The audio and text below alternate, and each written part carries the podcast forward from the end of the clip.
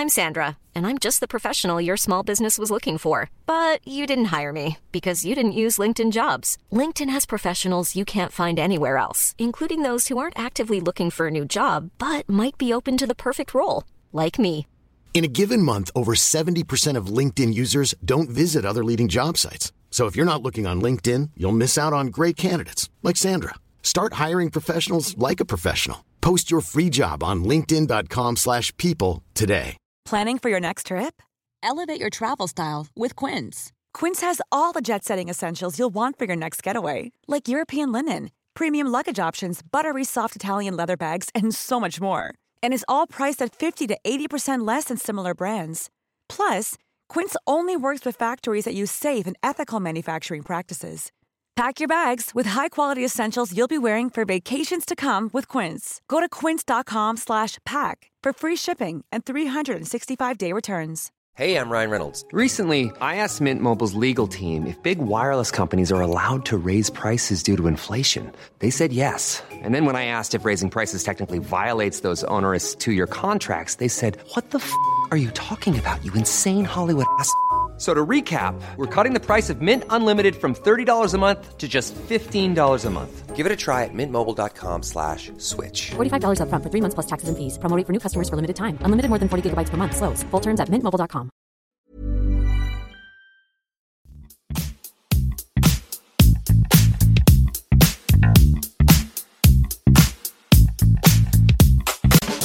Ja, eh, vi er tilbake med en eh, ny podkast og en ny treningstematikk. Eh, Kanskje ikke helt riktig å kalle det her for treningstematikk, eller på en måte er det jo det, men vi skal prate om formtopping, Hans Christer.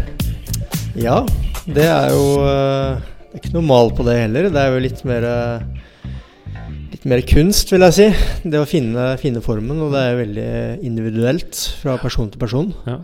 Vi kan jo begynne litt sånn generelt. Tror du at formtopping er en ting, eller tror du det ikke er en ting? Det er noen som nesten sier at nei, det er formtopping, det er tøys. Det er liksom ikke noe i det. Det er det å trene jevnt som gjelder, liksom. Men, men, men hva tenker du om det?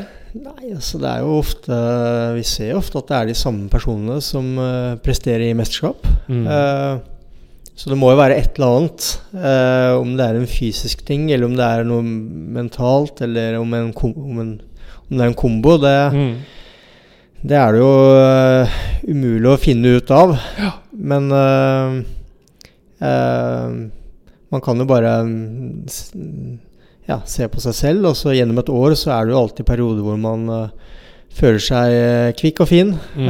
og så er det andre perioder hvor man er tung i kroppen. ja. Så det handler jo på en måte om å gjøre å ja, bli kjent med egen kropp. Finne ut av hva som skal til for å ha den kvikke, fine følelsen idet man går inn i et uh, mesterskap. Ja. Og nå er vi så heldige her at nå sitter vi med en av de som er definitivt best med å finne formen på riktig tidspunkt uh, i langrenn for de siste ti uh, åra av uh, mesterskapene som har vært.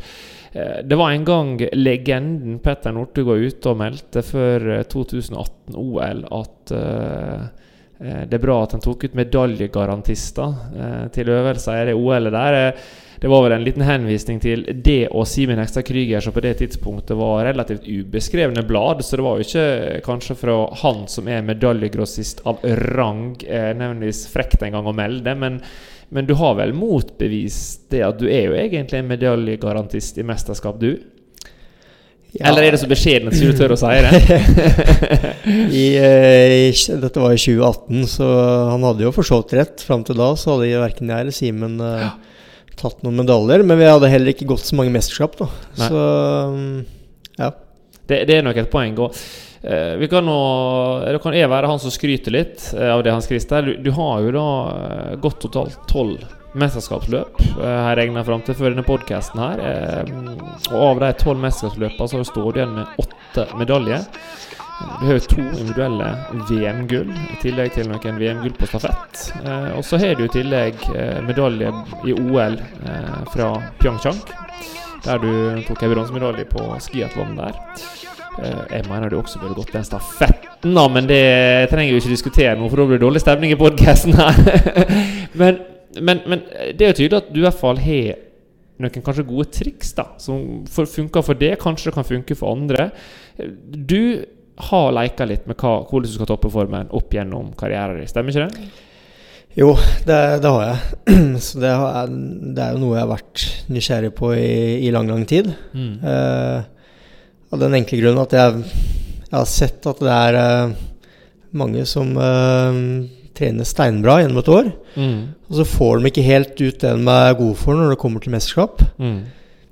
Og det er jo litt litt trist, egentlig. Ja, legge, trist. Legge, ned, ja, legge, ned, så mye arbeid, og så, og så skjærer det seg når man virkelig skal prestere. Mm. Så eh, det, For din del, tror, tror du det er både en psykisk og en fysisk aspekt med det her? Eller kun en fysisk, eller kun en psykisk aspekt? Begge deler. Begge deler. Og så henger det litt sammen. Sant? Hvis ja. man uh, føler seg lett i beina, så, så, blir man plutselig litt mer optimistisk. Mm. Eh, og hvis man er positiv til sinns, så har man ofte litt lettere bein òg. Mm. Så jeg tror nok det, det henger sammen. Ja. Hvis du da prøver å begynne veldig bredt, og så skal vi dykke inn i materien veldig på sånn detaljnivå Jeg tenker vi skal gå inn på liksom hva gjorde du de siste ukene, hva gjorde du de siste dagene, hva spiste du, Forandra du kroppskomposisjon, altså hva type intensitet var det på intervallene Jeg tenker I den podkasten her skal vi virkelig gå inn i alle detaljene og dele det med lytterne våre. Men, men la oss begynne bare veldig generelt. Altså Trener du betydelig mindre inn mot et mesterskap, eller trener du det samme inn mot et mesterskap? Hvis du skulle tatt de siste fire ukene, bare store linjer nå, ikke detaljer, men liksom store linjene, hva, hva gjør du liksom de siste fire-seks ukene før et mesterskap? Ja, eh, altså Hvis vi virkelig skal ta de store linjene, ja, så linje. kan man jo kan man jo si at uh, den formtoppingsprosessen starter 1. mai. Eller den starter når, du, når treningsåret starter. Så du ser på terminlista når er det mesterskap, på hva datoer? Ja. Eh, og så starter det med å legge, legge ned et godt stykke arbeid. Mm. Legge ned mye, mye volum i treninga. Mm. Fordi kanskje den viktigste faktoren for å komme i form, er jo å ha noe å slippe opp på. Ja. Altså en må, en må, være veldig godt trent. Mm. Og, så, og, så, må man eh, ha trent så mye at man kan redusere treninga med 20-30 noen er så mm. ekstreme at de reduserer det med 50 mm. For å da få en, på en, måte en overskuddsboost. Da. Ja, riktig. Eh, så hvis man eh, For min egen del så syns jeg at det var vanskelig å komme i form hvis jeg eh, De årene hvor jeg trente bare sånn 78 timer i måneden. Mm. Fordi eh, når jeg da skulle slippe opp, så var det liksom ikke så mye å slippe opp med. Mm. Eller, jeg, eller, tror du at du bare ikke turte å slippe nok opp har du reflektert på det? Altså Kan det være at egentlig det holdt å trene 70 timer, men for å redusere treninga med 50 da, så måtte mm. du ned på 35 timer? Og hvis det er fire uker i en måned for hver enkelt, så må du ned mm. på under ti timer i veka. Altså Tror du det kan være så enkelt? Eller tror du det er bare ja, det, ja, og det er liksom Man kan jo selvfølgelig Hvis man trener 70 timer i måneden, så kan man jo slippe opp. Mm. Men det er jo som du sier, på et eller annet tidspunkt så blir det så få timer at man mm rett og slett kommer i dårlig form. Ja. Eh, og, og, og, det er nok også en feil mange har gjort, inkludert meg sjøl, at jeg har sluppet opp og hatt masse overskudd. Mm. Når det har gått rolig, så har jeg liksom bare liksom følt meg superlett. Ja, nå blir det rått. Nå blir det bra. Og så starter jeg å gå skirenn, og så føler jeg meg bra i starten. Ja. Men uh, så finner jeg ut etter hvert at ja, jeg har overskudd, men jeg er rett og slett for dårlig trent. Og da hjelper det ikke med overskudd. Mm, mm. Uh, du har rett og slett dårlig utholdenhet. Altså Definisjonen på utholdenhet er jo evnen til å motstå trøtthet. Altså kunne gjenta en repetisjon gang etter gang etter gang uten mm. at du får en dårligere prestasjonsevne. Altså Du er rett og slett for dårlig utholdenhetstrent, da, men kanskje du har bra kapasitet eller overskudd. Ja, og det er um, Ja, nei, så det, det, ligger nok mye der. Så, mm. så, og så har du litt med selvtillit å gjøre òg. Det er ja. klart Hvis en uh, har trent uh, Følt at man har trent eller gjort det man uh, kan for å bli best mulig inn mot et mesterskap, mm. så er man litt rakere i ryggen og har hodet litt høyere heva. Og man går inn i mesterskapet med en helt annen selvtillit enn mm. hvis man enten har vært veldig mye sjuk, skada, eller at man rett og slett har uh, sluntra litt unna på, på treninga. Uh, så for min del så var det en sånn Det var viktig for meg å vite at jeg har gjort det jeg kan inn mot mesterskapet. Uh, det, var, det, var, en viktig følelse å, å, ta med seg inn i mesterskapet, fordi da, da gikk jeg inn i mesterskapet med litt, litt høyere selvtillit. Mm. Tror du at du i tillegg gjennom åra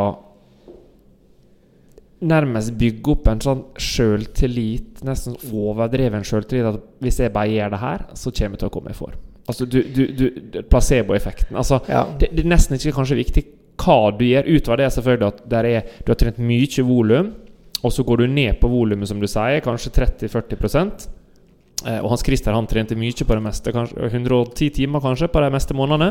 Ja. ja og Hvis du da reduserer det med rundt 30-40% så er du kanskje nede på den måneden 70 timer, typ 65 timer. Eh, som er jo da for det veldig lite, eh, sammenligna med 110 timer i måneden. Eh, og tror du bare Men tror du liksom at du fikk så bra sjøltillit på at jeg veit hvor jeg skal toppe formen, det her funka, at du kunne nesten kaste en hva som helst, og så hadde det funka? Eller tror du komposisjonen ja, og det er, eh, og det er på en måte uh, Min største styrke og min største svakhet er at jeg hvis jeg først tror på noe, så tror jeg så sterkt på det at det mm. kan på en måte Høres litt flåsete ut å si, men det, det kan, kan, bli virkelig. Ja. Uh, det, tro kan flytte fjell? En sier jo det? Ja da, på, på godt og vondt. Og, og eh, jeg fant det ut for eh, Hvis jeg skal ta liksom en negativ side ved det, da, ja. så er det for noen år tilbake så så var jeg veldig, var jeg veldig stressa.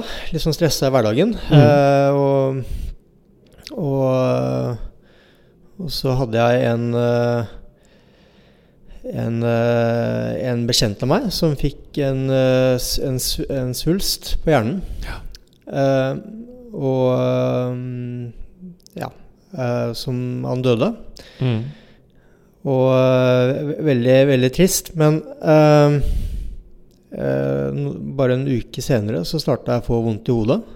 Ja. Eh, og så tenker jeg at ja, men det er uh, sikkert litt sånn spenningshodepine. Jeg var liksom stressa på den tida. Og, ja, ja.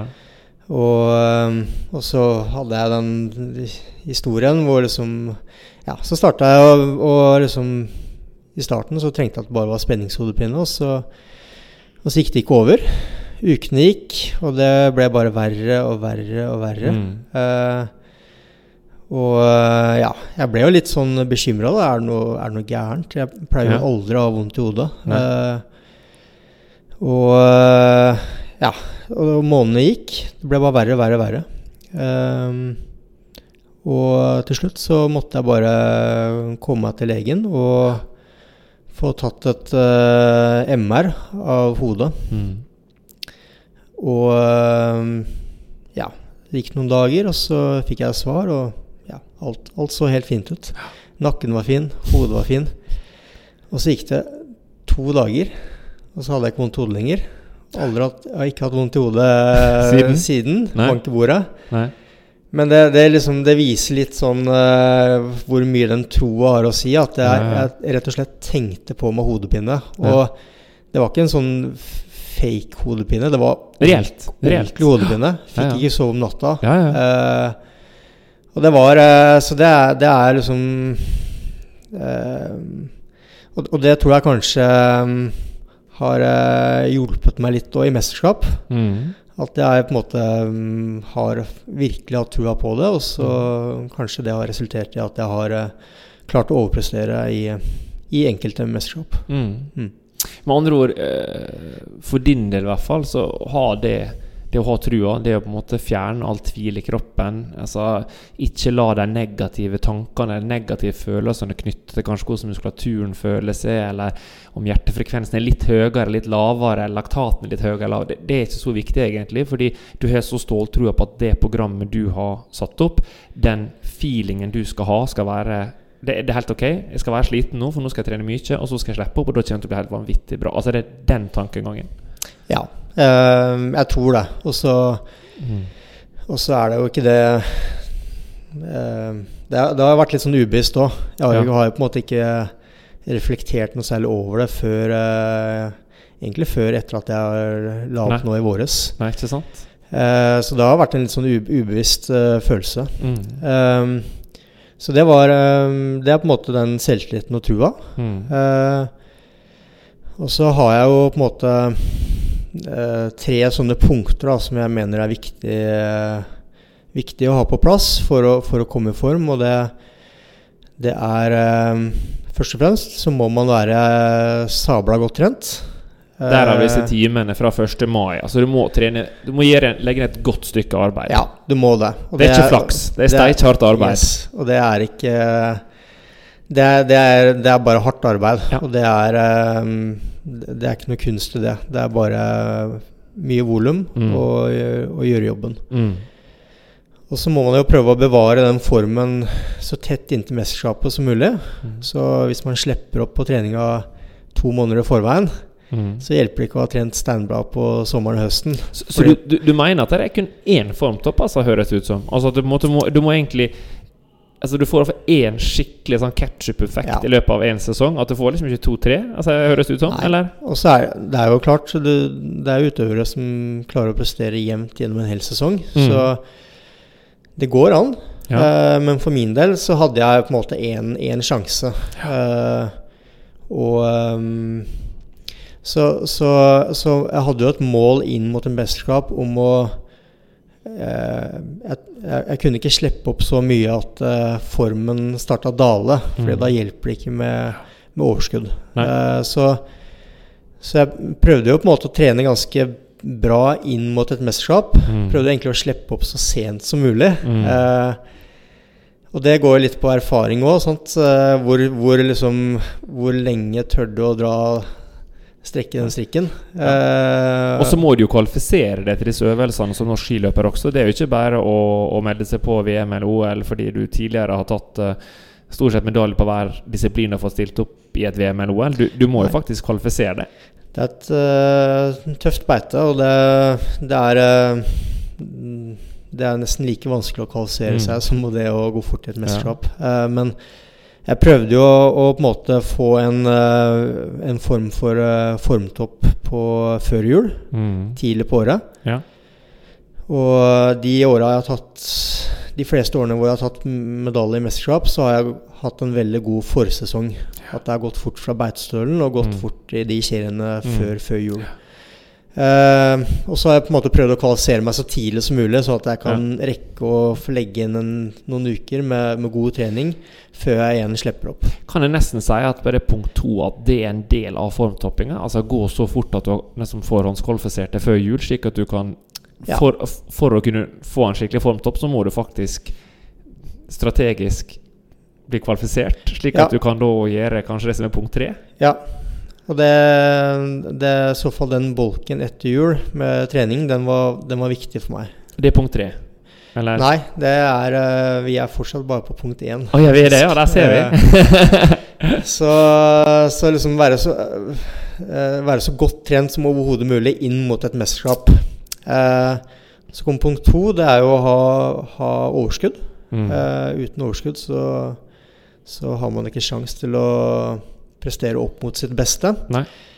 Og det er jo den balansegangen som er litt uh, vanskelig da, å liksom uh, finne ut av. Mhm. En skal være så godt trent som overhodet mulig Mm. på race day. Mm. Og så skal man samtidig ha overskuddet.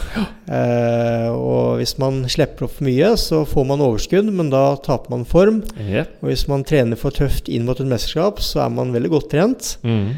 Men eh, man risikerer å ikke ha nok overskudd til å eh, få ut sitt eh, aller ytterste. Mm. Så det er en sånn litt sånn vanskelig balansegang. Ja.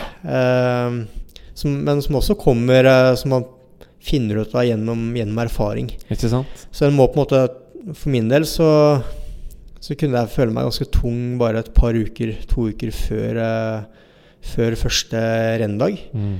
Men siden jeg hadde den erfaringa, så visste jeg at uh, det kommer til å skje veldig mye med kroppen de neste to ukene. Mm. Um, så det er um, Det er to første punkter. Og hva er det siste? Og det siste punktet er uh, noe som vi kaller for spenning i muskulaturen. Uh, Dette her er spennende. eh, I løping eller Marius Bakken vet jeg kaller det for muskeltonus. Ja. Så det, det har flere navn, men, eh, men spenning i muskulaturen det er litt sånn Hvis jeg skal prøve å forklare det, så er det litt sånn hvis en har eh, Har eh, ja, sittet lenge i bil på vei til hytta. Mm, mm. Eh, og så går man ut av bilen, og da vil de fleste føle seg litt sånn dau i muskulaturen. Eh, eller hvis man sitter lenge på fly eller et eller annet, så er man helt sånn der eh, slapp i muskulaturen. Gelé, nærmest. Altså, Ja, både, blanding av at du er gelé og stinn på samme ja, tid. ja, helt sånn der, eh, Det er bare helt sånn dødt. Ja, ja. Eh, og det er jo en følelse du ikke ønsker å ha. Eh, hvis man har god spenning i muskulaturen, så er det Det er litt den følelsen man har man Hvis man er i god form og man man, eh, man starter på oppvarminga, og så løper man i, eller går på ski i to minutter. Mm. Og så man føler seg superpigg fra første meter. Ja. Eh, og man liksom bare en, en, Ja, en har bare lyst til å Ta i. ta i, på en måte. Eh, og når man går opp trappa, så liksom man spretter opp trappa. Nei, man er liksom veldig fresh i muskulaturen, da. Ja, ja. Og det er jo en, eh, en, noe man på en måte kan manipulere litt. ja. eh, og, og fremkalle gjennom eh, eh, visse økter eh, før, uh, før endedagen. Og jeg skal ikke avsløre for mye her nå, eh, men senere i podkasten så kommer vi til å komme inn på noen litt ekstreme måter for å få opp det spenningsnivået. Eller ikke jeg syns ikke det er ekstremt, men jeg tror kanskje de som lytter på, etter hvert vil oppfatte at det er ekstremt. Uh, I hvert fall ikke så mange andre jeg kjenner i skimiljøet som kanskje har valgt de tingene du har valgt dagen før skirenn. Jeg skal ikke si noe mer enn det, Hans Christian, men, men du kan love at det kommer litt spennende ting dagen før skirenn. Ja da. Det, jeg tror nok de fleste som har eh, vært med på mesterskap, kan, eh, kan bekrefte det.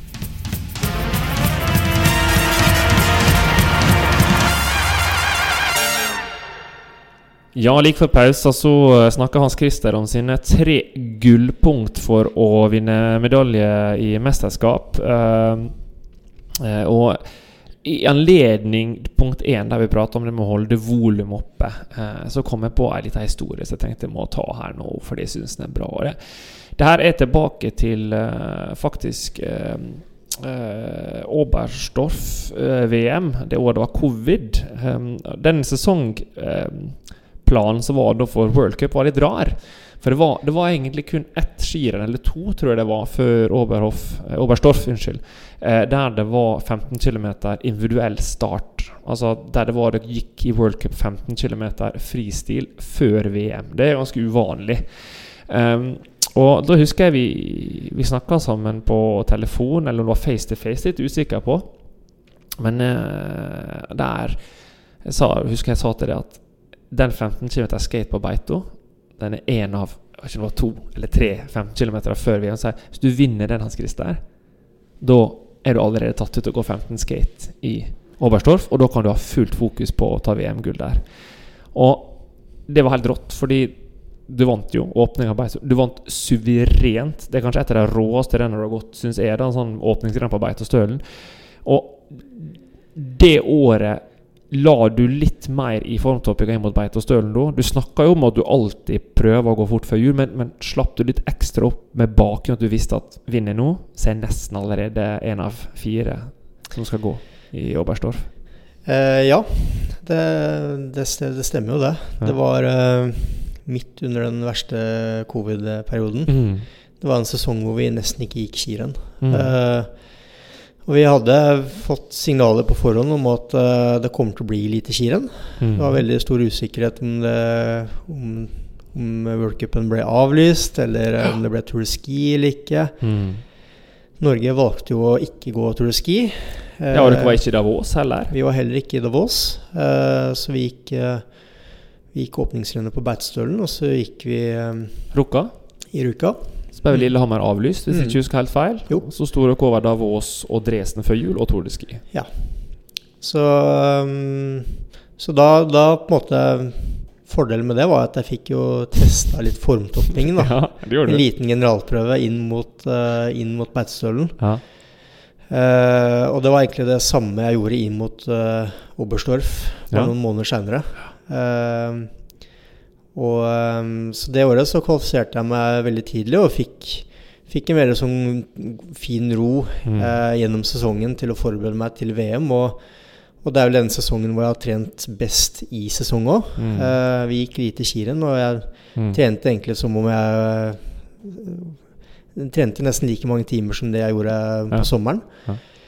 Så, øh, så det var nok det mesterskapet hvor jeg var i Jeg var best trent inn mot, øh, inn mot mesterskapet. Ja.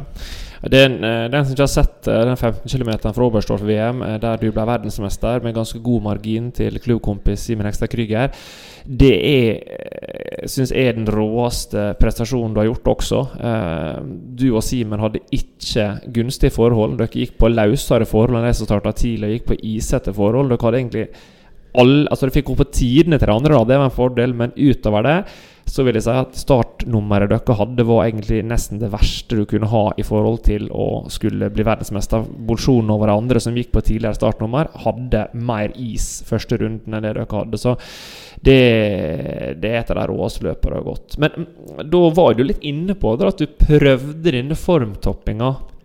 Eh, og du har jo nevnt disse tre punktene, men hvis vi går veldig inn på punkt tre, som var det å skape spenning i muskulatur, ja, hvordan skaper du da spenning i muskulatur? Eh, Du spesifikt. Ja, um, det er jo um, Jeg er jo litt sånn, uh, som mange vet, en litt seig, seig type. Uh, jeg er vel ikke rask av natur. Nei. Og, og må nok jobbe litt mer for å få den spenninga enn en mange andre. Mm. Eh, Jeg vil jo tro at en eh, eh, Johannes eh, eller Paul eh, De har mer enn den naturlige spenninga i, i muskulaturen kanskje hele tiden. Mm. Det er raskere utøvere. Eh, Mm. Men for uh, meg som er uh, tre, trener mye, er, er litt sånn seig, så Mm. må jeg liksom Jeg må vekke, vekke kroppen, vekke muskulaturen. Og eh, de aller fleste de har jo det vi kaller for race prep eh, dagen før skirenn. Mm. Det går gjerne på morgenen. Uh, Ca. 24 timer. Hvorfor gjør folk det? Hvorfor alltid på morgenen? Nei, det, det er bare tradi tradisjon, tror jeg. Ja. Det er bare som det alltid har vært. Og hvorfor dagen før? Hvorfor ikke to dager før? Eh, Det med tradisjon? ja, og det er noen som gjør det to dager før òg. Ja. men for min egen del så, så merker jeg jo gjennom et treningsår at jeg, hvis jeg har en intervall på mandag, Mm. så er jeg alltid veldig pigg på tirsdag. Og så er jeg alltid ganske dau i eh, kroppen på onsdag. Ja. Så det er liksom Det er akkurat som den intervallen på mandag gjør at eh, jeg har god spenning i muskulaturen på tirsdag, men så forsvinner den igjen på onsdag. At det er liksom. Den belastningen av intervallen den, kom, den er litt sånn delayed. Den Ja, kommer ikke ja. før eh, 48 timer senere. Nei, nei. Så um, og, og det gjelder nok flere, og derfor er det kanskje mange som har race prep. Så eh, tett innpå skirennet som mulig. Ja, eller ikke så dagen før, vil jeg si. Ok, ja. Og så har jeg jo eh, altså De fleste har jo race prep på morgenen, og så jogger de ofte en halvtime eller eh, på kvelden, da, Mm. bare helt rolig. Og så er det mange igjen som har da morgenjogg Mm. eh, på renndagen. Ja. Det jeg fant ut eh, for noen år tilbake, var at jeg hvis jeg hadde kjørt race prep på morgenen, så følte jeg meg ofte veldig pigg på ettermiddagsøkta. Mhm. Den halvtimes joggeturen. Mm. Eh, så, men så var jeg ikke så pigg dagen etterpå. Mm. Uh, Så første økta vekte, skapte spenning i muskulaturen, men, Mm. og, og da følte du det egentlig helt enormt på den restjoggen du hadde på kvelden, ja. men ikke kanskje like rå da dagen etterpå? Nei, så når jeg sto opp dagen etterpå og hadde morgenjogg, Ja. så var jeg ikke så pigg som jeg var på, på kveldsøkta. Ah.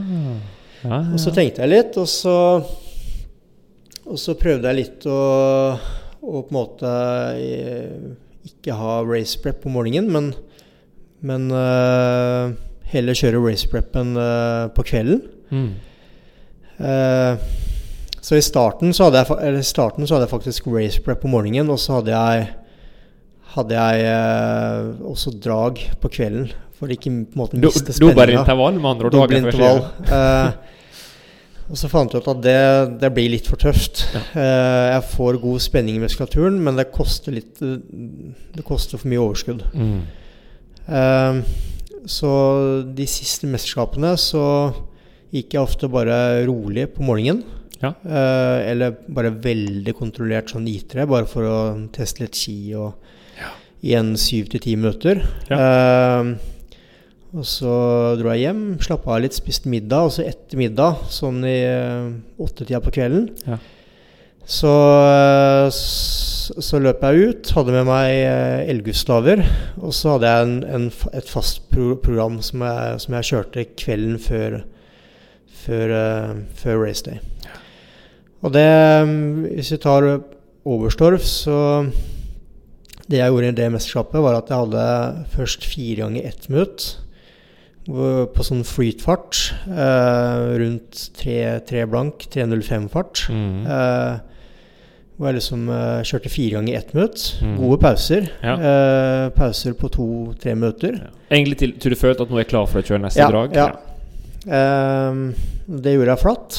Og så prøvde jeg å oppsøke en, en så bratt bakke som overhodet mulig. Ja. Og så hadde jeg eh, 56 ganger 30 sekunder eh, spretten skigang.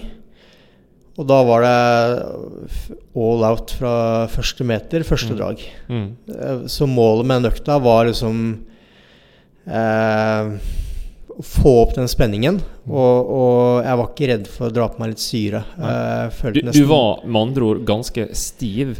Ja, jeg var eh, Og hvis jeg ikke var stiv på siste draget, så kjørte jeg ofte 45 sekunder til et minutt på siste draget. For å liksom gå Ja. liksom litt i kjelleren? nesten. Gå litt ordentlig i kjelleren, faktisk. Riktig. Uh, Hvordan i alle dager kom du inn på at du skulle kjøre så tøft? Altså Hvordan Ja. liksom kom du inn på den tankegangen? Hvorfor så tøft? Hvorfor ikke tre minutter? da? Hvorfor ikke det, ja, det er jo noe jeg har lært av deg, da. Så, Takk, det var hyggelig. Det, eh, det er jo noe vi, eh, vi starta med mm, i de åra jeg kom inn i Lyn, i 2012-2013. Ja. Da, på den tida så kjørte vi ti ganger ett minutt. Ja. Uh, men vi hadde det ofte sånn, sånn midt i uka. Hvis vi skulle konkurrere i helgen, så hadde vi det kanskje på en onsdag-torsdag, hvis jeg husker Ja, rett. det er helt riktig, det. Uh, og hadde veldig god erfaring med det. Mm. Uh, og da òg var det Det var ti ganger ett minutt, og det var, det var full spurtning fra første meter, altså. Ja. Det er i helvete. Altså, målet Ja. var rett og slett å Det er sånn typisk spyøkt, kaller Ja. det det. Er, Ja. det er maks innsats, men det var kanskje litt tøft for enkelte, da som ikke var så seige som det. Jeg øla nok en del skirenn eh, med det opplegget der for en del andre som hadde litt raskere fiber, da, sånn det er sagt. Ja, så, så det er eh, Det er viktig å poengtere at hvis man er en rask utøver og har en evne til å pushe veldig høyt opp i lagtalt, Mm. så, så er nok den økta alt, altfor tøft. Mm. Tøff. Uh, men for en seig, en mer arob utøver, Mm.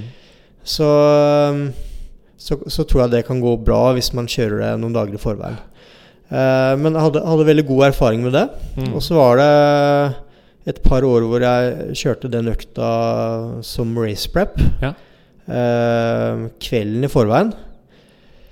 Eh, og hadde jo veldig god spenning i muskulaturen. Men det, jeg merka at på slutten av skirennet så hadde jeg liksom ikke det siste giret. Nei.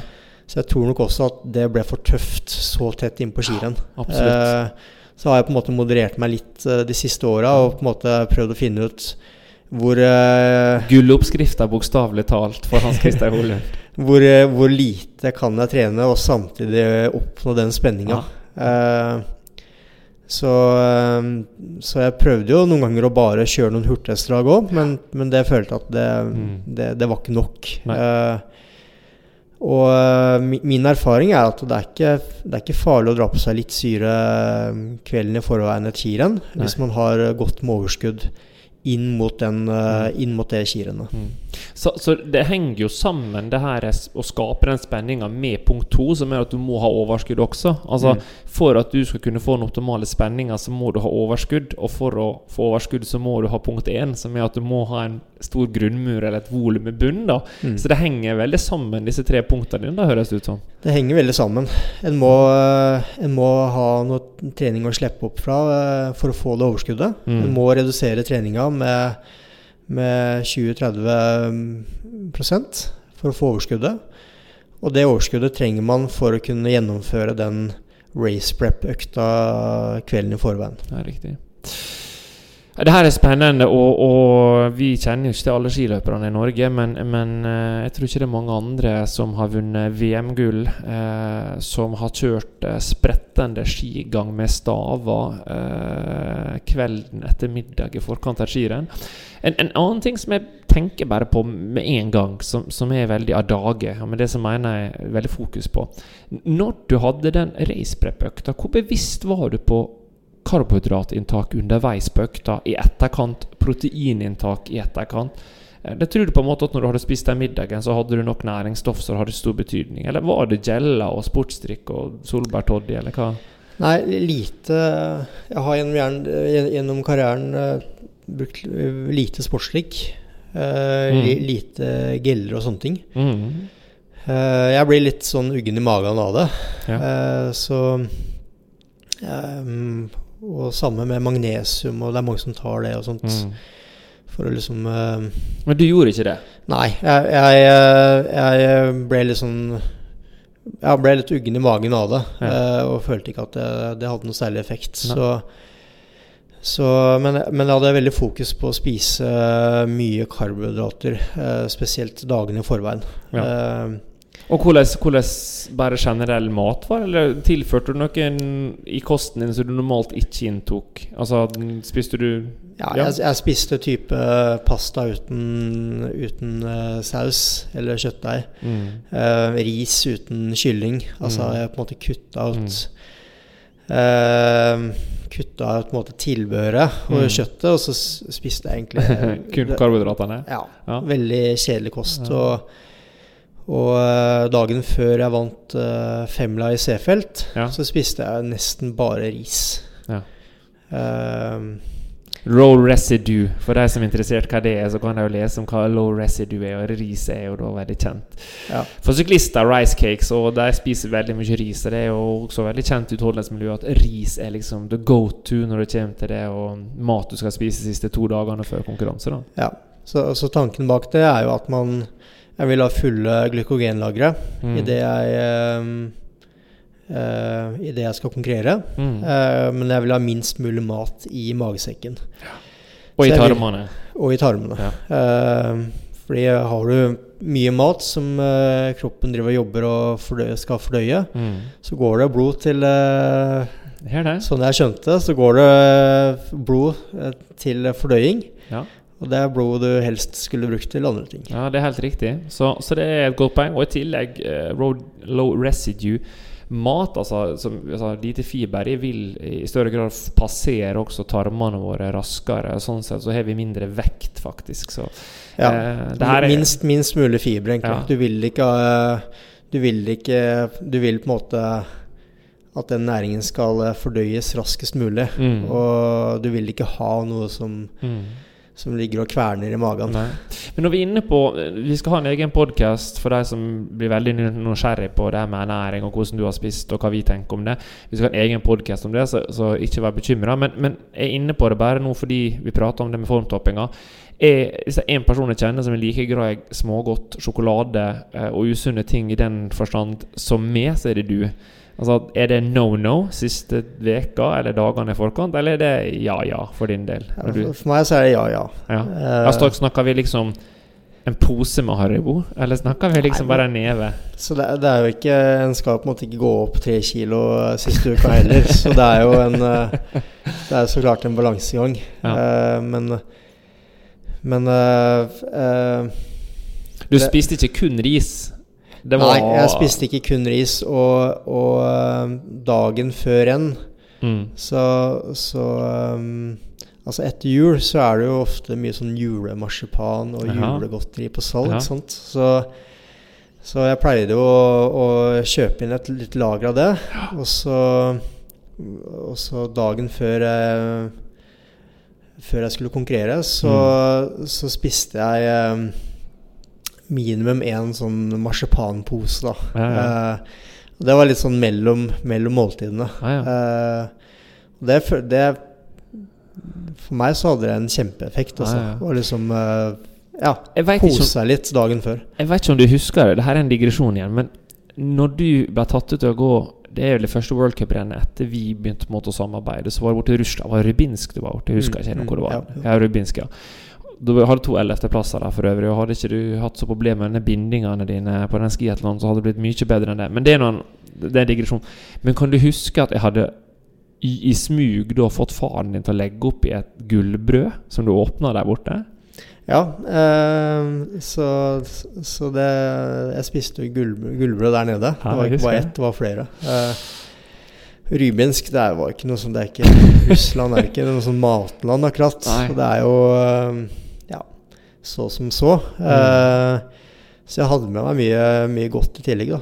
Eh, og hadde jo en kjempehelg. To ellevteplasser. Eh, Og det, på det tidspunktet der bare sånn, Det er lett å tenke liksom Hans Christer Holund, ellers er det elendig. På det tidspunktet der så var det stort.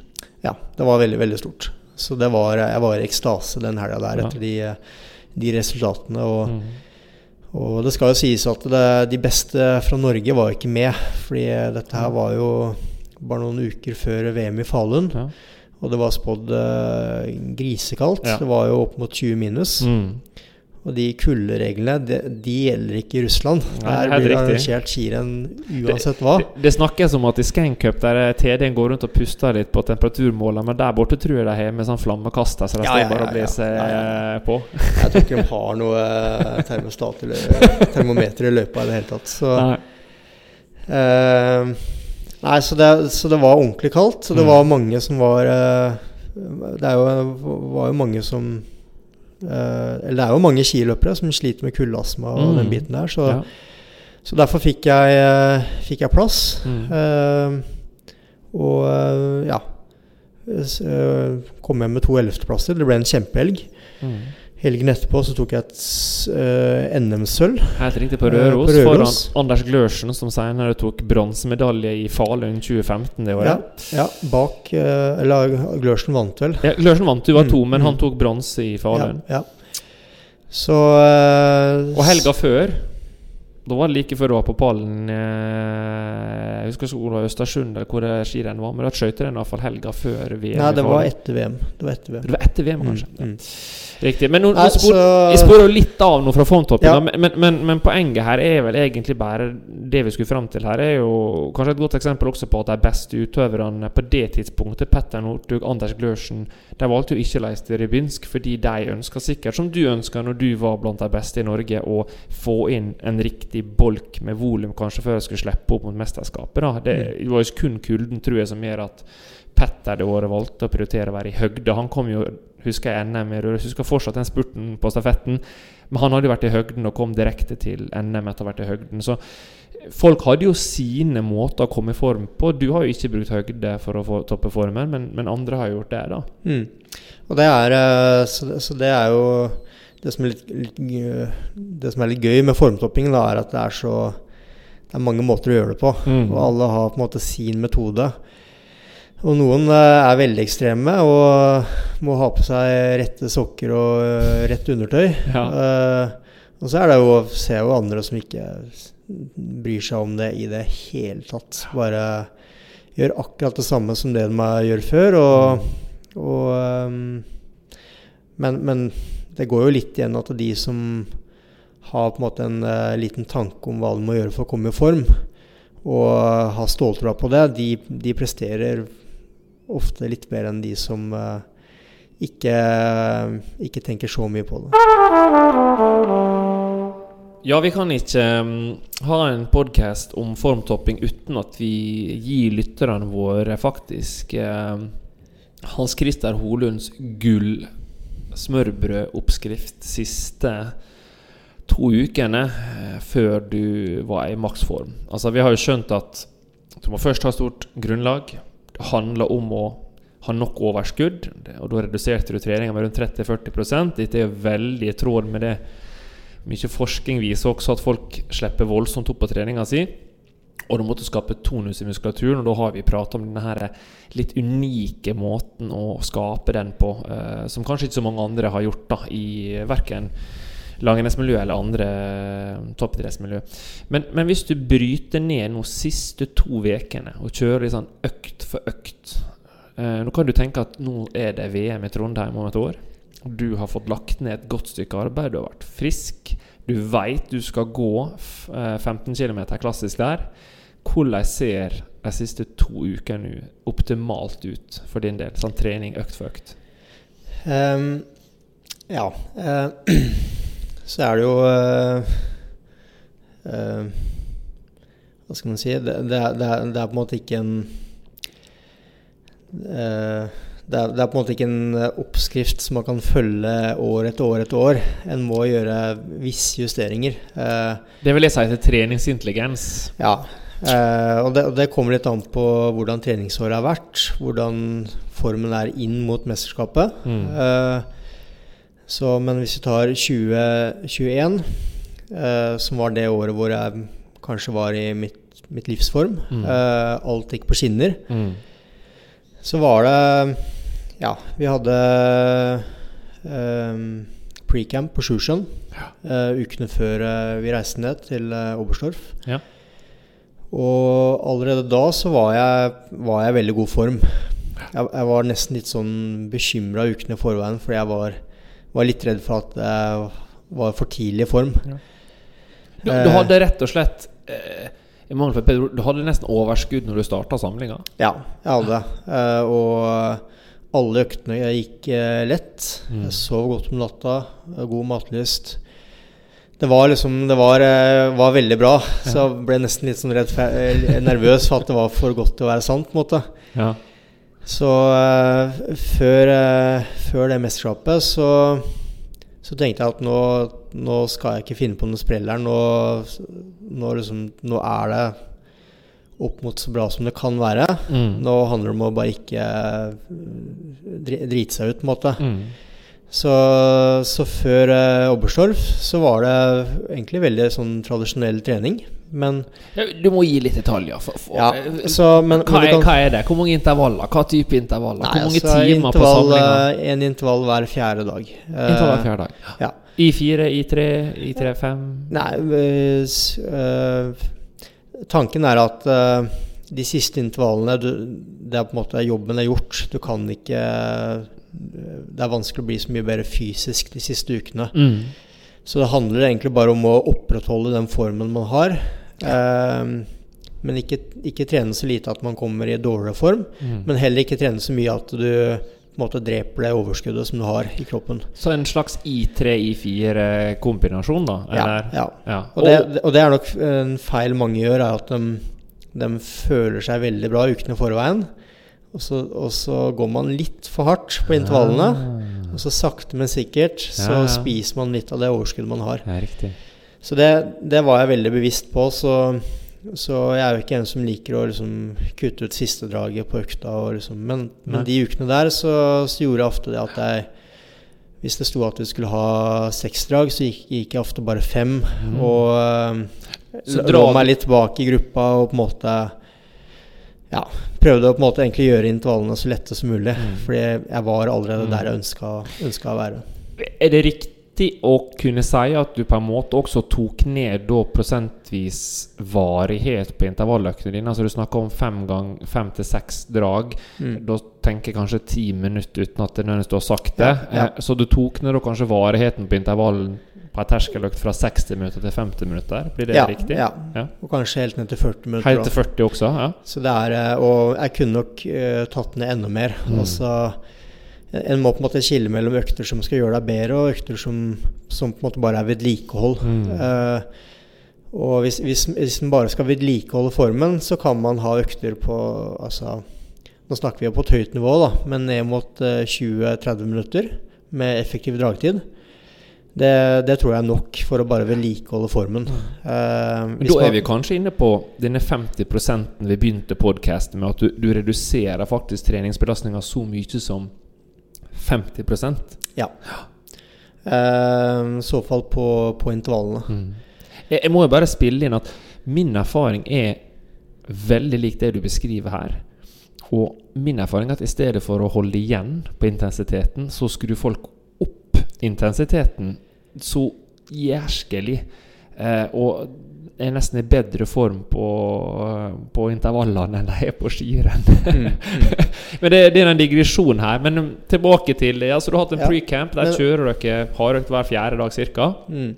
Og, og, det, er jo det at man, man på en måte skrur opp intensiteten. Og det er jo litt sånn Før et mesterskap så ønsker man jo ofte å teste formen. sant? Mm. Man, liksom, det er litt sånn naturlig at man liksom har lyst til å dra på litt, da, bare for ja. å kjenne litt på formen og få litt selvtillit. Uh, og, og, hvis formen er bra, så er det, det er bra, det. Men, men uh, en skal også være klar over at, at de øktene de, de, spiser av den formen, og det spiser av overskuddet. Og, mm. og, så det er viktig å på en måte ikke bli for grådig uh, ukene i forveien. Mm. Ingenting vokser inn i himmelen, sier de jo. Nei.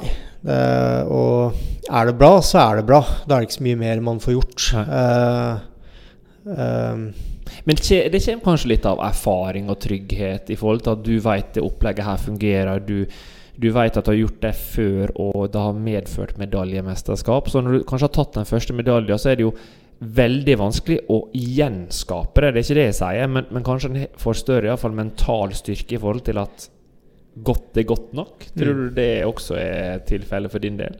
Ja, og det, og det handler jo litt om den det vi var inne på i stad, at hvis man eh, føler at man har gjort alt man kan for å bli mm. best mulig gjennom sommeren og høsten mm. og eh, starten av vinteren, så, så, kan man liksom senke skuldra litt og liksom Ja, jeg har gjort det jeg kan. Mm. Jobben er gjort. Ja. Uh, det blir som det blir. Jeg er mm. så god som jeg er. Mm. Og på en måte bare innfinne seg med det. Uh, så får man jo se da på rendagen hvor, uh, hvor bra det er. Ja. Men og du får jo faktisk ikke styrt hvor fort alle andre går uansett. Nei, man får ikke det.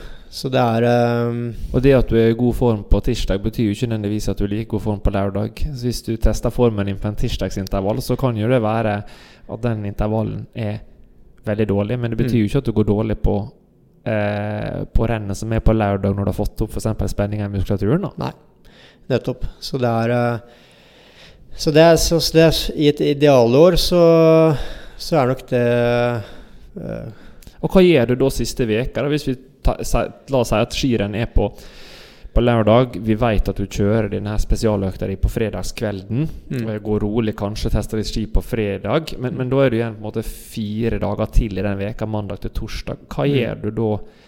Vi kan, vi kan, jo ta en hel uke. Da kan vi inn på søndag. da Hva gjør du søndag, mandag, tirsdag til torsdag?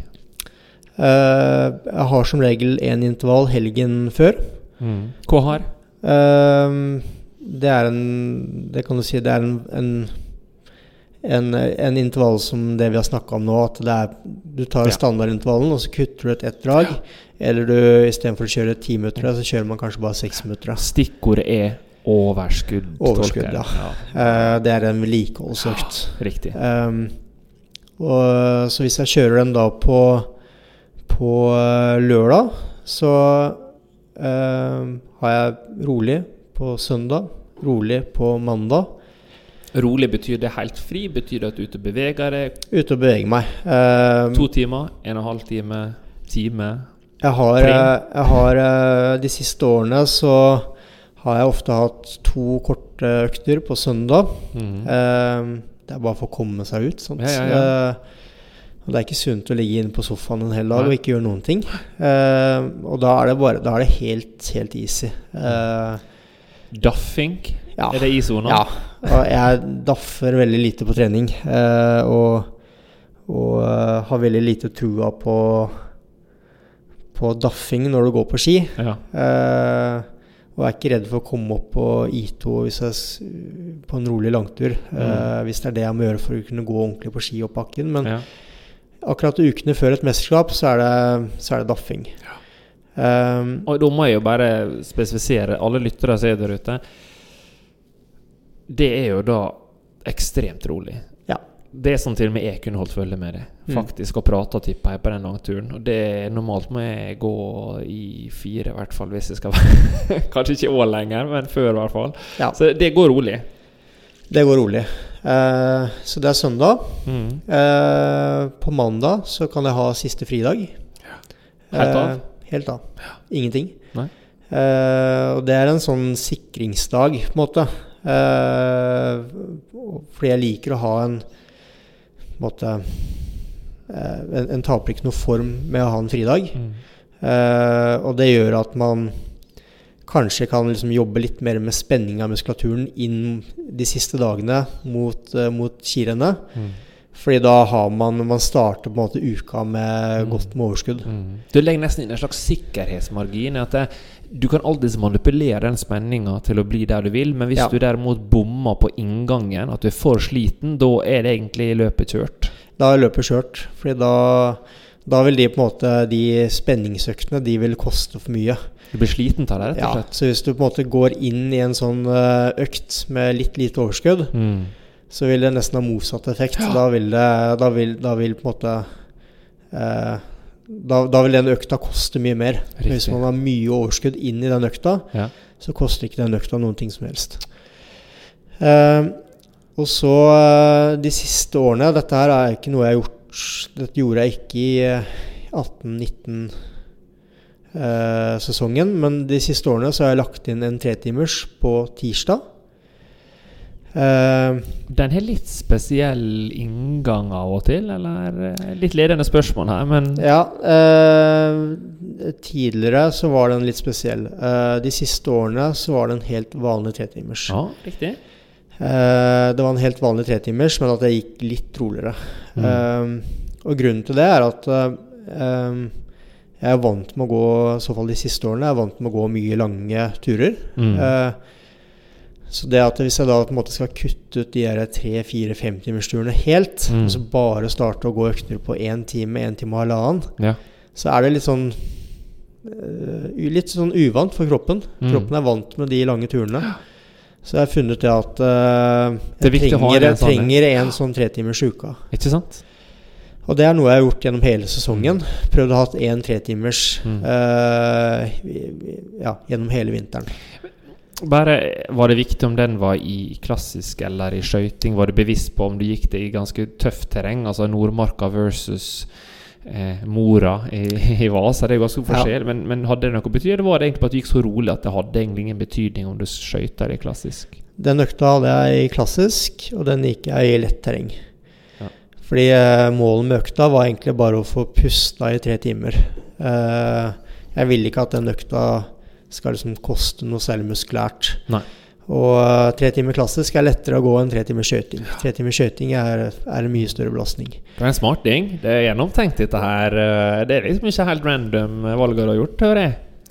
Nei da, men det er, det er jo også ganske logisk. Det er det det? Tror du folk er bevisste på det? Jeg føler liksom at folk er bare sånn Nå skal jeg gå på ski, og så starter de skituren sin der de alltid starter skituren. eh, Og Ja, nei, jeg, jeg veit ikke.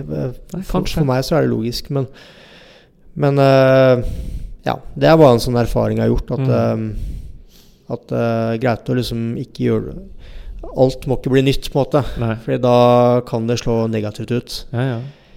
Uh, og den økta, den koster ingenting. Det, så det er på tirsdag. Mm. Nei, det er på mandag. Ja. Uh, Ja, nei, det, det er på tirsdag, mener jeg. Ja. Det er på tirsdag. Mm.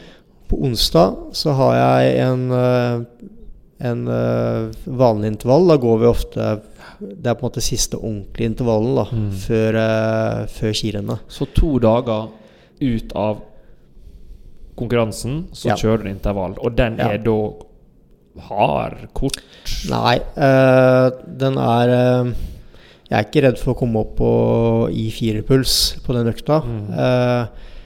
Men det skal også sies at jeg har ofte litt høyere puls inn mot et mesterskap fordi jeg har slipper opp litt på treninga. Har veldig god respons på pulsen. Og så har man litt sånn adrenalin i kroppen, eh, ofte på liksom siste intervallen før skirenn, som også er med på å heve pulsen. Og det, der tror jeg mange kan kjenne seg igjen, at de, de ofte kanskje har løpt et løp, da. Eh, og så står de på startstreken, og så ser de på pulsklokka, og så, er det, og så har de I2 i puls. Ja, ja. Det står helt rolig. Ja, ja. Så det er eh, ja, ofte en økt hvor, det, hvor jeg har litt høy puls. Eh, men går meg ikke noe spesielt stiv på den økta. Nei. Og det er drag mellom eh, fire til seks minutter. Ja. Eh, og det er egentlig en økt bare for å gjøre seg kjent med, med, med løypa. Kjenne litt på føret, kjenne litt på løypa. Uh, kjøre svingene i, i konkurransefart nedover mm. uh, på gode ski. Ja. Det er forskjell på å kjøre svingene i uh, overtrekksdress på mediumski ja. kontra liksom kjøre dem mm. med gode ski i, i, i en kondomdress. Ja. kjenne litt på bakkene. skal jeg slå om til, hvis det går klassisk, skal jeg slå om til diagonal uh, ved det treet, eller skal jeg slå om litt eh, tidligere? Mm. Uh, kjenne litt på hvor tøffe bakken er. Ja. hvor tøft kan jeg gå inn i den bakken her? Ja, ja. Um, det, sånn, det, høres ut som en litt sånn leikeøkt. Ja. Det er ikke spesielt i fokus, men det er, det er mer en feeling hvor hardt du skal gå, og litt sånn løypa avgjør litt, egentlig. Nesten et sånn naturlig ja. intervall. Kanskje ja. er det beste sammenligninga. At, at, terrenget bestemmer litt hvor tøft de ulike draga blir. Ja. Det er en læringsøkt ja. før, uh, før uh, skirennet. Mm. Og gode pauser, eller korte pauser? Ja, ikke noe fokus på, på pausene i det hele tatt. Ja. Det kan være Vi kan stoppe i pausene og diskutere litt løypa. Mm. Og da kan det godt være pause på tre-fire minutter. Uh, og så, så, ikke noe fokus på pausen i det hele tatt. Uh, drikke litt. Ja. Um, og den, den økta har, har, jeg ofte med, med andre. Mm. Det er veldig nyttig å liksom diskutere litt. Ja, hvordan syns du den bakken her var? Mm. Um, uh, tror det lønner seg å gå i spor nummer to eller spor nummer fire? Mm. Um, opp den bakken her så er det litt mer skygge på høyresida enn uh, venstresida. Ja. Um, eller det er litt, uh, litt løsere på venstresida enn på høyresida. Ja, ja, ja. Altså at liksom, man gjør seg kjent med løypa. Og spesielt før uh, før VM i Oberstdorf, så var det, det, var, det var veldig varmt. Mm. Vi gikk seint på dagen. Ja, det husker jeg. Uh, jeg og Simen vi, vi, hadde veldig dårlig Vi hadde gått lite World Cup i forhold mm. til uh, de som gikk Tour de Ski. Og, og, så vi, vi, var liksom sist i side av gruppe. Det, det betyr at vi valgte startnummer sist. Mm. Og fikk de dårligste startnumra. Ja. Uh, så, så, så, på den økta så, så, gikk vi på en måte den intervallen på samme tidspunkt som da vi skulle gå skirenn. På ja. samme tidspunkt på dagen. Ja. Og fant ut liksom at ok, eh, her er det litt mer skygge, så her legger vi oss helt på kanten eh, inn mot weeboardsene. Så at man nesten var utafor. Ja.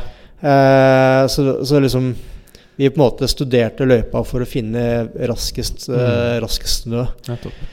Og det, det, er litt sånn um, Det er nok noe mange av våre konkurrenter ikke er så bevisst på. Fordi jeg, jeg studerer jo de jeg konkurrerer mot, og når mm. jeg ser at de går Uh, race prep, eller ja. de går i intervaller, så er det uh, ja, De går der det er løsest. De ja. går i oppgåtte spor. Ja de går i det samme sporet runde på runde på runde. De, de, prøver liksom ikke å Nei. Optimalisere, rett og slett. Så, så, der tror jeg det er veldig mye å hente. Det er jo tilbake til den nysgjerrigheten, da.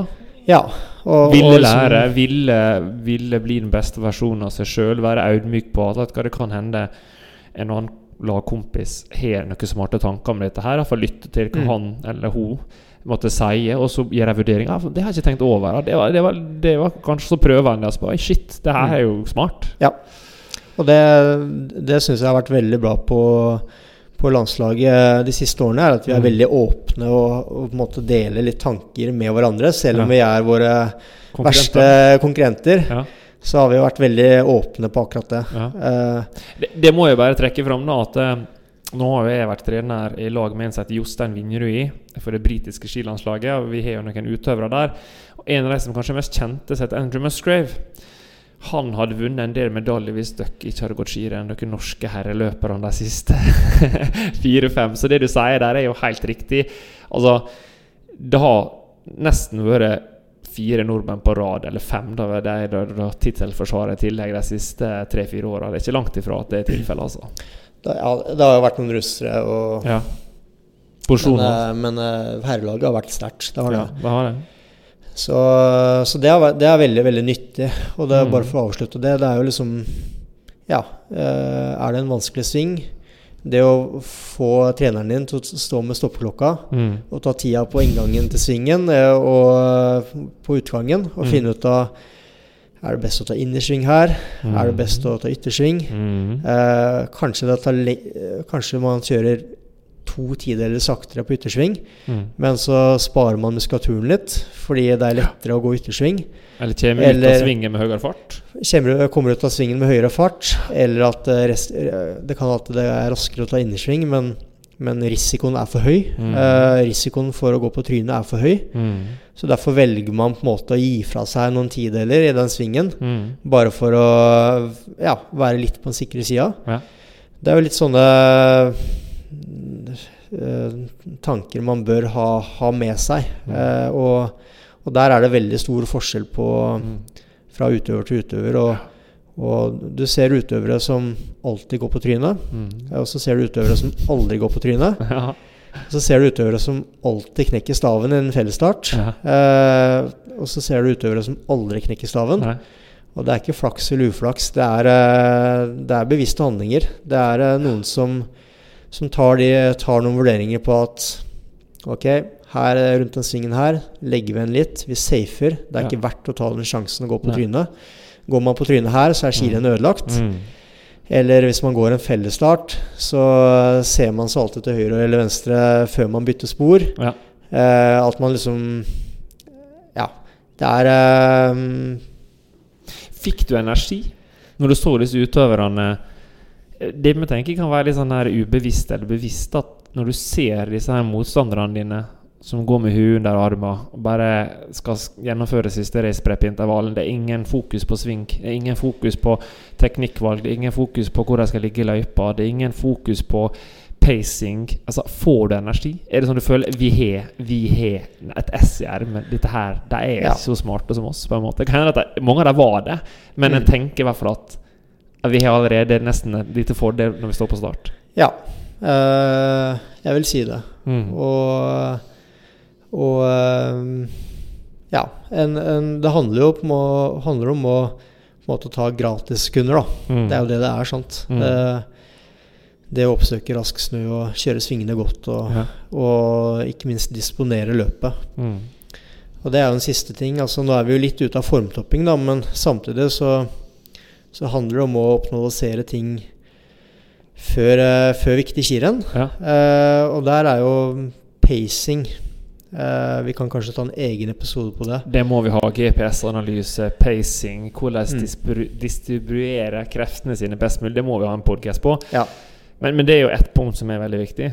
Veldig, veldig viktig. Mm. Og der er det på en 15 km altså, Nå går vi jo 10 km, da. Men Mm. Uh, når jeg gikk, og vi gikk 15 km, så kunne det være opp mot et halvminutt i Mm. forskjell uh, på sluttida. Mm. Det her er, det her er utrolig spennende, syns jeg personlig. Og jeg er sikker på at det er mange som syns dette her med formtopping er øh, morsomt. Øh, og det er liksom vi har nevnt tidligere, altså, det er jo som at det vi sitter her og prater om nå, er fasiten. Det her er jo bare det du har gjort, som du syns har fungerer. Um, for min egen del som trener, så er jo jeg eh, Det er jo dumt å si, men vi er jo veldig enige kanskje akkurat i den biten her, da. Uh, jeg har egentlig veldig lite innspill. Det eneste vil si at jeg tror jo det her med å skape spenning i muskulaturen er veldig individuelt. Eh, så jeg tror liksom hva han gjør siste tre-fire dagene, kan ha ganske stor betydning for sluttresultatet. Altså hvor fort Altså om du klarer å få ut makspotensialet ditt på den renndagen. Men, men det andre, som du har sagt, er jo innertier i forhold til min treningsfilosofi, i hvert fall. Nå har vi prata mye i forhold til formtopping om uh, at jeg og du er ganske enige, Hans Christer, om, om hvordan du topper formen. Og det er viktig å poengtere at det vi har presentert her nå, er jo det er jo ikke en mal som nødvendigvis fungerer for andre. Det kan jo bli spennende når vi får andre gjester med her, og høre hvordan de topper formen. da Ja, det, det er jo ikke sikkert alle har lyst til å avsløre det, mens de Er fortsatt er aktive. Men uh, jeg vet jo at det er mange måter å gjøre det på. Mm. Og, og at det er utøvere som ikke gjør noe justering i det hele tatt. At de tenker at jeg har hatt så mange gode økter på høsten at Mm. hvis jeg får ut det på vinteren, så er det bra nok. Derfor velger jeg å ikke gjøre noe hokus pokus. Jeg trener vanlig øh, og, og mener at det er måten på å gjøre det på for å få ut potensialet sitt. Mm. Uh, og så er det jo uh, Og så tror jeg nok også at uh, Ja, så, så, det, er, det, er, mange måter å, å gjøre det på. Og, og så tror jeg også at det er mange som gjør litt for mye òg. At de rett og slett At formtoppingen er med på å drepe form. Ja. At de uh, enten slipper opp for mye på treninga, eller at de trener for tøft, eller at de, de, skal gjøre så mye nytt ja. uh, for å komme i form at det nesten virker negativt. Ja.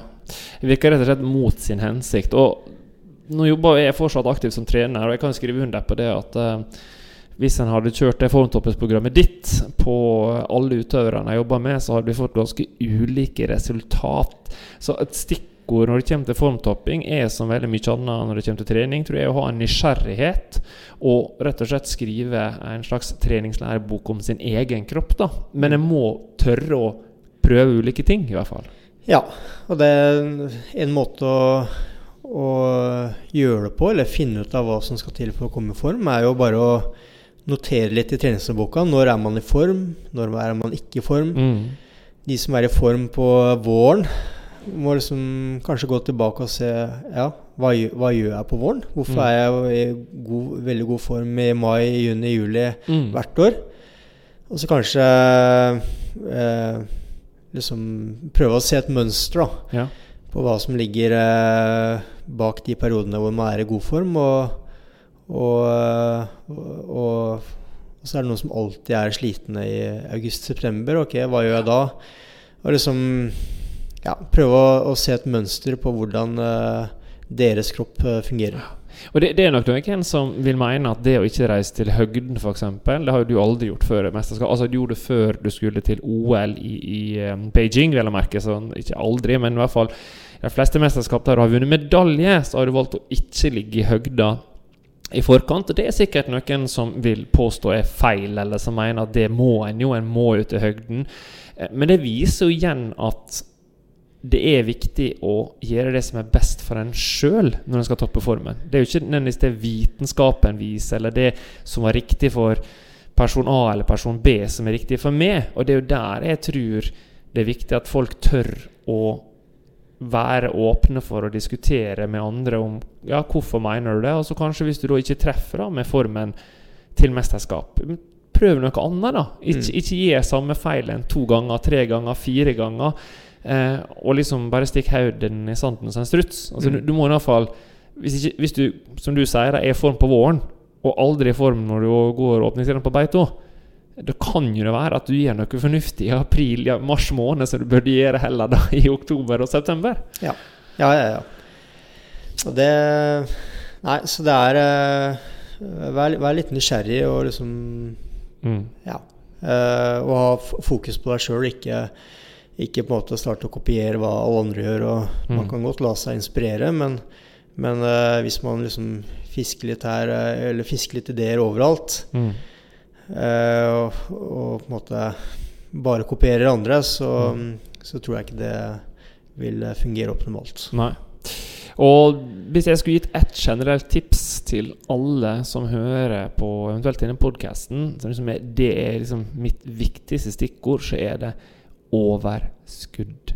Overskudd, overskudd, overskudd, overskudd. Altså Det er bedre å ha for mye overskudd og så erfare at Oi, jeg sto ikke hele distansen fordi jeg mangla litt volum, enn det er å gå ut både på en, en løpekonkurranse, eller en rokonkurranse, eller en svømmekonkurranse, og etter en tiendedel, 10% av konkurransen, så kjenner du Oi! Der har jeg syre allerede eh, i første motbakke. Det mener jeg går på at du ikke har nok muskulært overskudd. Og da mm. um, hjelper ikke det samme hvor mange timer du legger ned. Nei. Det det, ehm, nei, overskudd er, er, viktig. Det er det, altså. Mm. Og så er det viktig også liksom øh, gjøre kroppen klar til uh, fit for fight. da. Mm. Så uh, en må også på en måte tørre å ha litt fart uh, på enkelte økter inn, inn mot renn nå. Ja. Ehm, jeg har jo, har jo eh, opplevd det å liksom hvilt litt for mye. Og Ja. holdt igjen litt for mye på uh, hardøktene. Ja. Og så, eh, og så kommer jo overskuddet, og, Mm. og på meg så, så får jeg veldig høy puls hvis jeg Mm. trener eh, slipper opp for mye. Mm. Uh, og så har jeg opplevd det at, eh, at jeg liksom uh, har kjørt pulsen rett opp i I5-puls i Mm. første motbakke. Mm. Eh, fordi det er liksom nesten Ja, ja. sånn sjokk for kroppen. Ja. Og så går jeg meg stiv, og så er løpet ødelagt. Ja. Så det er um, Men igjen, der er det store forskjeller, og det, det er litt av det hver enkelt utøver må, må finne ut av sjøl, egentlig. Eh, Du det- må ta eierskap. ja, og dette her er formtopping. Det er utøveren sitt ansvar. Det er ikke trenerens ansvar. Det er utøveren sjøl som må finne ut av uh, hva, hva, skal, hva skal jeg gjøre for å, for å komme i form. Fordi uh, treneren den, den vet ikke hvordan utøveren uh, føler seg til enhver tid. Og, og treneren kan godt sitte med mye kunnskap og, og eh, liksom legge opp et helt treningsår og veilede utøveren på å bruke sin erfaring og kunnskap og veilede utøveren til å bli best mulig. Mm. Men når det kommer til formtopping, så er det utøverens ansvar. Ja. Hvis vi helt avslutningsvis i podden her nå eh, Hvor tror du folk Altså nå, Vi har ikke sett treningsdagbøkene til alle, vi vet de skal trene. Men hvis vi generaliserer veldig på sa- hardtsatsende langrennsutøvere Tror du flest folk gjør følgende feil? Er det, er det at de hviler for masse? Hviler for lite? Trener for masse rolig trening? Eller trener for mye? Hard trening? En kombinasjon av alt. Du liksom så Hvor tror du det syndes mest? Det er vanskelig- vanskelig å gi et, et klart svar på det. Og det, det kommer egentlig veldig an på personen òg. Mm. Eh, hvis du er en veldig motivert utøver, Mm. hvis du har en veldig motivert utøver eh, eh, En utøver som liksom eh, er litt utålmodig, sliter med å sitte rolig, vil veldig mye, Ja. Så er det nok det at de uh, slipper opp for lite, har for lite overskudd. Ja. Tør ikke å liksom uh, trene lite nok til å få det overskuddet du trenger. Mm. Og så har du jo uh, litt latere utøvere. Eh, kanskje ikke på toppnivå, men hvis du ser blant juniorer så, og enkelte seniorer òg, så er det noen som rett og slett er litt, litt late og bedagelige. Mm. Som liksom tenker at åh, nå er det liksom er det to-tre uker til eh, NM, f.eks. Ja. Nå er det bare å sette på noen bra serier her og liksom Nå kan jeg virkelig ligge på sofaen med god samvittighet. Ja. De tror jeg kanskje eh, får overskudd, men eh, rett og slett kommer i for dårlig form, altså. Eh, så det er eh, Ja, og så har du de som er eh, veldig usikre. eh, ikke liksom stoler på seg sjøl. De Mm. har jo ofte en tendens til å gå litt for tøft på eh, de siste intervallene. For Ja. å teste, skal hele tiden teste formen, Mm. teste beina. Ja. Eh, når de går, eh, går rolig langtur, så har de 20 hurtighetsdrag bare for å liksom kjenne på beina litt. Eh, Ja. eh, ja, så det, så det er eh, veldig personavhengig, tror jeg. Ja. Jeg tror eh, det var visord eh, fra Hans Christer eh, fra det nå på slutten av denne podkasten som har omhandla formtopping. Det har vært veldig mye innom hva du har gjort for å komme i form når du var aktiv, og hvordan du klarte å vinne disse mesterskapsmedaljene dine. Vi avslutter podden her. Minn om, som sagt, har dere spørsmål, har dere ting dere vil vi skal prate om, så send nå da veldig gjerne en melding til oss på Instagrammen vår. Hans og Holund heter den. Samme som podkastnavnet. Um, og så er det bare å håpe at uh, denne podkasten kanskje kan hjelpe folk til å springe litt fortere, gå litt fortere på skirennene sine. Uh, og jeg tror veldig mye av det vi har gått gjennom i dag, kan brukes så vel av en aktiv mosjonist som en toppidrettsutøver. Så med de orda så sier vi tusen takk for dagens podkast.